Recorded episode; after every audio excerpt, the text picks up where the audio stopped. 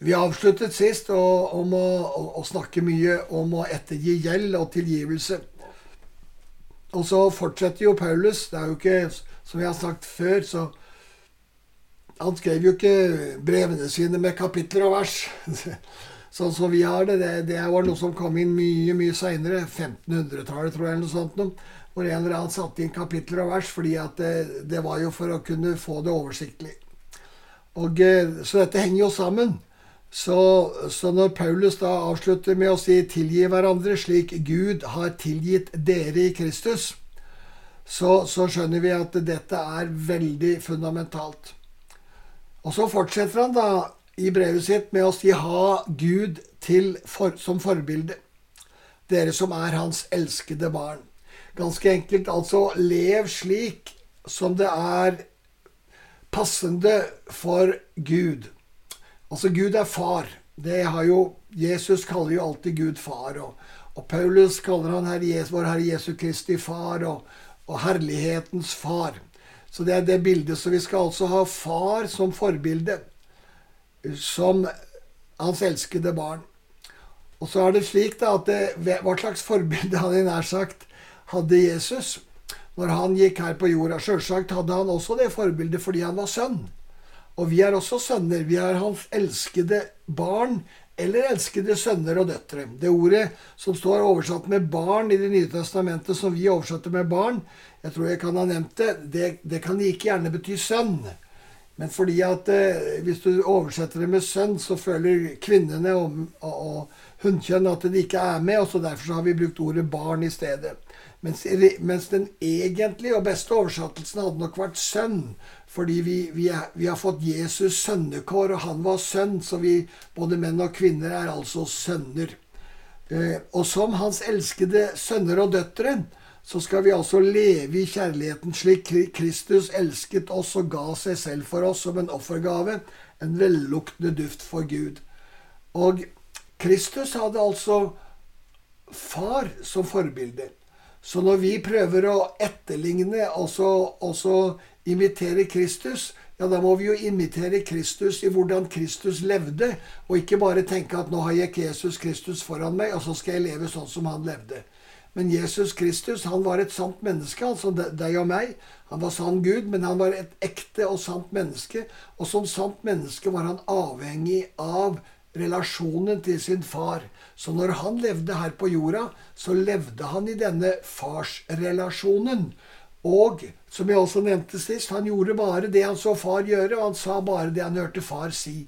Med andre ord, han forholdt seg til Gud sin far. Vi, og Derfor er det at Paulus sier at vi skal ha far som forbilde. Vi skal altså ligne far, vi skal ligne Gud. Så skjønner vi at der er det, er det langt fram for de fleste av oss. Men ikke desto mindre så er det et mål. Også fordi det er det vi skal bli. Nå er vi Guds sønner, sier Johannes i sitt brev. Og vi vet ikke engang hva vi skal bli, men vi skal bli ham lik. Altså vi skal bli Jesus lik. Altså i evighet så skal vi bli Jesus lik. Jesus lik. Og det livet har vi allerede fått innplantet. Det er bare at vi også lever med, med, med kjøttet vårt. Vi lever i en vond verden, som også Paulus kaller det her at, at verden er ond.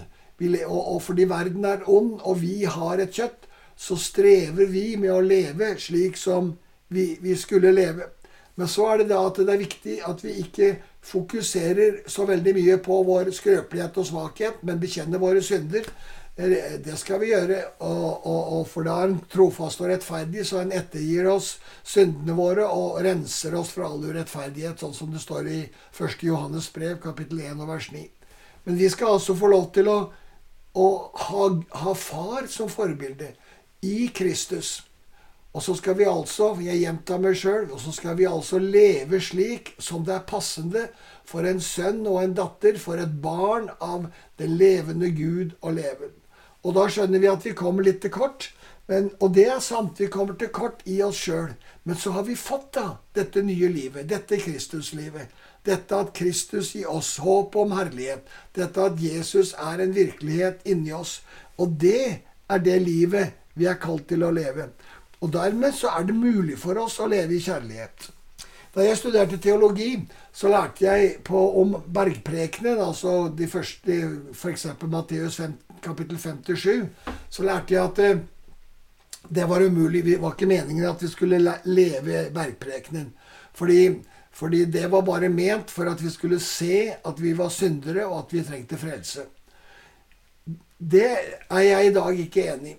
For jeg tror at det er et liv som Gud har gitt oss, som er inni oss, og som er så sterkt at det er mulig å leve store deler av bergprekenen, og kanskje hele bergprekenen. Og det er noe av det som Kristus i oss, Den hellige ånd i oss, vil virke i oss. Åndens frukt er jo kjærlighet, glede, fred. Alt det som er lovens oppfyllelse. Så hvis, den, så hvis dette Kristuslivet i oss får lov å vokse og vinne skikkelse, ja, så vil vi være i stand til å faktisk elske vår fiende. Og være i stand til å ikke rakke ned på mennesker, men være i leve i, i tilgivelse og forsoning til alle mennesker. Det vil være mulig. Det vil være mulig å, å ende opp i en ydmykhet.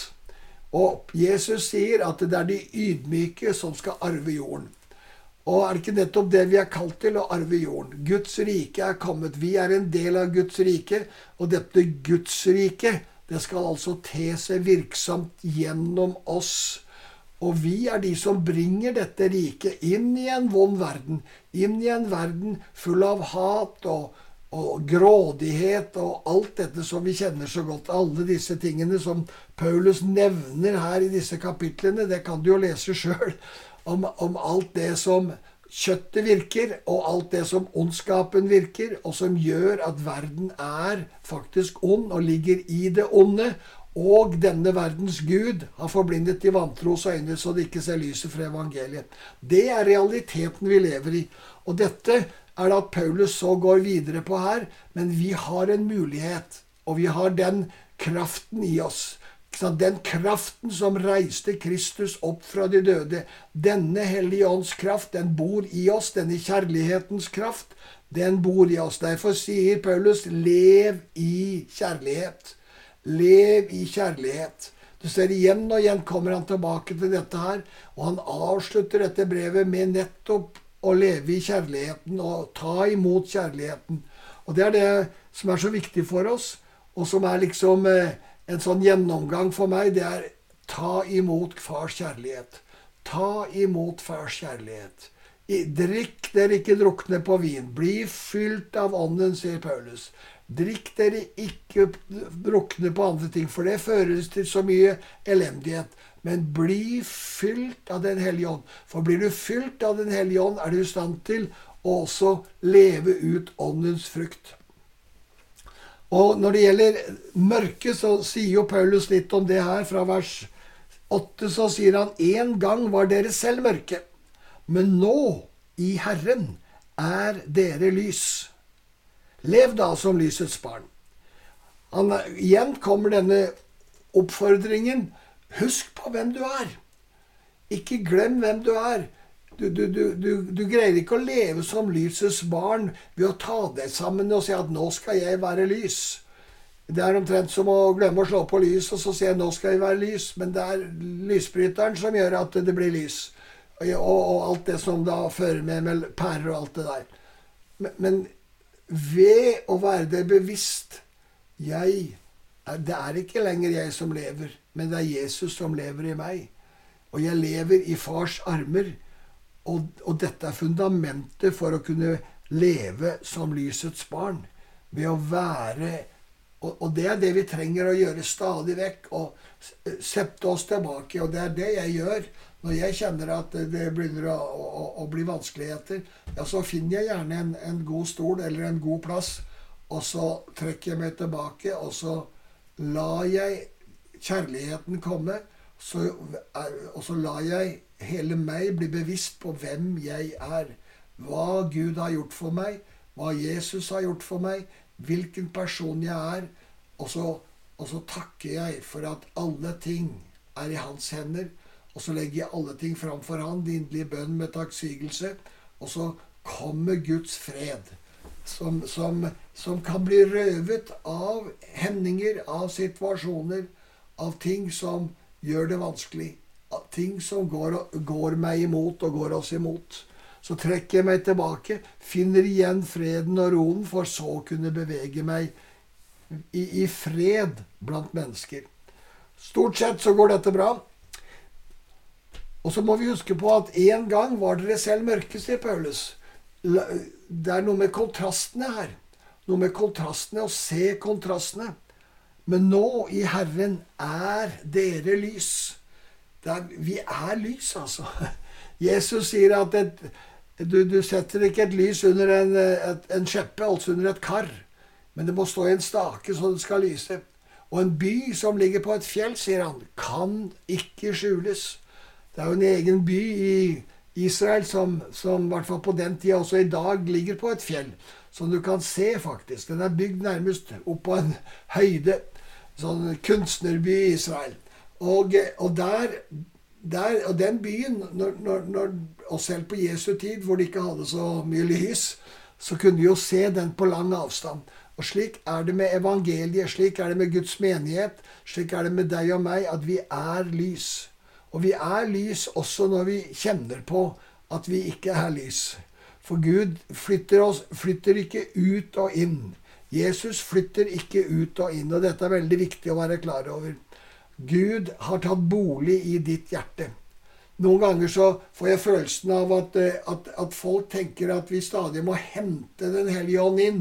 Eller vi må hente Jesus inn. Nei, Jesus han har tatt bolig, han. Han bor. Og, og, og det, det, dette understreker jo Paulus det er vel hundrevis av ganger i sine brev at vi er i Kristus, og ikke minst Kristus er i oss. Vi skal altså, Og så sier han i Romerbrevet 10 så sier han, skal vi hente Kristus fra et eller annet sted? Fra, fra, fra, oven eller fra siden? Eller hvor skal vi hente han fra? Nei, sier han. Vi skal ikke hente han fra noe sted. Han bor ved troen i vårt hjerte, sier Paulus i Romerbrevet 10. Og dette er viktig, fordi stadig vekk opplever jeg at folk skal liksom hente Den hellige ånd fra et eller annet sted. F.eks. når jeg leder et møte, så vil jeg aldri si 'Kom, Hellige ånd'. Jeg vil, aldri, jeg vil, alltid starte med å si 'takk for at du er her, Hellige Ånd'. Og så vil jeg si 'kom med hele din fylde'. For med en gang jeg ber at, det, at det, Den hellige ånd skulle komme, så er det noen som tenker 'er den ikke her', liksom? Men det er klart den er det. Hvis vi er i en menighetssamling, hvis det er i hvert fall to stykker av oss, så er, så er han jo midt iblant oss. Og så er han jo i hver enkelt av oss. Og dette at vi skal hente Kristus fra et eller annet sted, dette er faktisk en gammeltestamentlig tankegang som, som uh, Guds menighet har levd i, sånn jeg har opplevd i hvert fall, i, i, i århundrer. Mens, mens vi, vi, må vende tilbake til det nytestamentlige kristendom, der vi ser at Kristus er iboende i oss, og han går ikke ut og inn. Han forlater deg ikke om du synder. Ånden forlater deg ikke om du synder. Du kan bedrøve Den hellige ånd, og du kan gjøre synd som, som skuffer Den hellige ånd. Men han forlater deg ikke. Han forsvinner ikke. Han vil fortsatt være der, men du vil, kjenne, du vil ikke kjenne han på samme måten. Men så når du omvender deg og vender deg rett og vender deg om fra kjød og kjødets gjerninger, ja, så, så, så, vil du erfare at ånden, pantet på vår arv, er der. Så, så vi skal ikke hente Gud fra et eller annet sted hele tida. Men vi skal få lov til i Kristus å vandre med vår far. I Kristus vandrer vi med vår far. Vi vandrer på en måte ikke med Kristus. På en annen måte så gjør vi jo det, fordi Kristus bor i vårt hjerte ved troen. Så, vi, så han er iboende. Men, men, Jesus, som var her på jorda, han vandret jo med sin far. Lærte av sin far, hørte fra sin far, så hva far gjorde. Fikk all sin visdom fra far. Og slik kan vi også få leve i Kristus. Så dette er å bli fylt av Ånden, som Paulus her snakker om. Så, så, snakker han også om å bruke tiden godt, den dyrebare tiden godt. Og da kjenner jeg meg nok noen ganger litt dømt. Fordi jeg syns ikke jeg er like flink alltid til å bruke den dyrebare tiden godt. Så det, det er et ord til meg. Så avslutter han denne, dette avsnittet, syns jeg, da, i vers 20 med å si takk alltid Gud og Far for alt i vår Herre Jesu Kristi navn. Altså henvendelsen går alltid til Far. Fordi det er han Jesus kom for å ta oss hjem til. Han sonet verdens synd for å ta oss hjem til Gud, vår Far. Og så kan vi få lov til å bringe takksigelse til Far. Vi kan sjølsagt få bringe takksigelse til Kristus. Vi, bringer, vi, takker Gud for alle ting. Og, og eh, nå er det slik at eh, jeg mener ikke at man skal takke Gud for all elendighet, men vi skal få lov å involvere Gud i alle ting med takksigelse. Utgangspunktet her er jo at vi bærer alle ting fram for Gud i inderlig takk med, med, med takksigelse. Vi har altså snakket med Gud om alt. Vi har invitert Gud inn i livet vårt på alle områder. Og så sier vi takk at du har omsorg, far. Takk at du kjenner meg. Takk at jeg er gutten din. Jeg er jenta di. Jeg er en liten, et lite barn som, som, som, du drar omsorg for. På, for, for på mange måter så er vi jo det. Og vi er faktisk så på, på, så mange måter smågutter og småjenter. Og jeg kjenner stadig vekk inni meg jeg, at jeg er en liten gutt og ei lita jente. Jeg kan fortsatt glede meg, jeg, når, eh, når eh, en traktor kjører på jordet og, og, slår høyet. Og se på det. Da kan jeg glede meg over det, akkurat som jeg ville ha gledet meg over det, over det da jeg var fem år gammel. Så, så, det, så denne lille gutten, den bor der stadig. Og denne lille jenta, den bor der stadig. Og vi skal få lov å være på mange måter der. Og samtidig så har vi jo vokst opp for å kunne leve et, et, og tatt ansvar for, for det forvalteroppdraget Gud har gitt oss. Men vi skal få være takknemlige, for takksigelsen er en hemmelighet. Takk alltid Gud, vår Far. Takk alltid vår Gud og Far, er det det står i denne nye oversettelsen, for alt i vår Herre Jesu Kristi navn. Og det ligger altså I dette så ligger det en tro på at Gud er en Gud som er trøstens Gud, omsorgens Gud. Er Gud som er i stand til å ordne opp i alle ting. Han er også den som er i stand til å lage en vei der det ikke fins noen vei. Det er veldig viktig for deg å være klar over det. At du tenker at ja, dette er umulig. Denne veien, Det er jo ingen veier ut av dette her. Jo, Gud kan lage en vei der hvor det ikke finnes noen vei.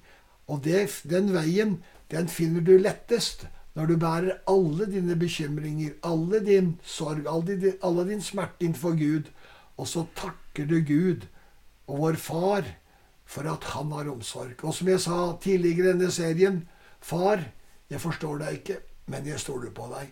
Og det du vil oppleve, er at da skaper Gud, da lager Gud en vei for deg, slik at du kommer inn i alt det han har for deg. Og så er det slik, så er det slik at om én vei har blitt ødelagt Det kan være mange ting som gjør at en vei har blitt ødelagt. Det kan være eh, drømmen din om en utdannelse. Det kan ha vært Eh, et ekteskap som har gått i stykker. Det kan være død. Det kan være mange ting som gjør at du føler at det Gud hadde for meg, det, det, det, er, det er, blitt borte. Og da har jeg lyst til å si det er en løgn. Sannheten er at Gud vil skape noe nytt. Han vil lage en ny vei. Han vil sørge for at du kommer inn i fylden av det han har, og kanskje fører, fører han deg inn i noe som er enda mye sterkere og enda mye bedre enn det du kunne drømme om. For Gud er en skapende Gud også i dag. Han har ikke sluttet å skape. Han har ikke sluttet å lage veier. Og han kan lage en vei i det som du ikke ser kan være en vei. Plutselig så åpner det seg en dør, åpner det seg en vei, og det åpner seg gjerne når du i tro og takknemlighet sier 'Takk, far, jeg stoler på deg'. Takk, far, jeg stoler på deg. Amen.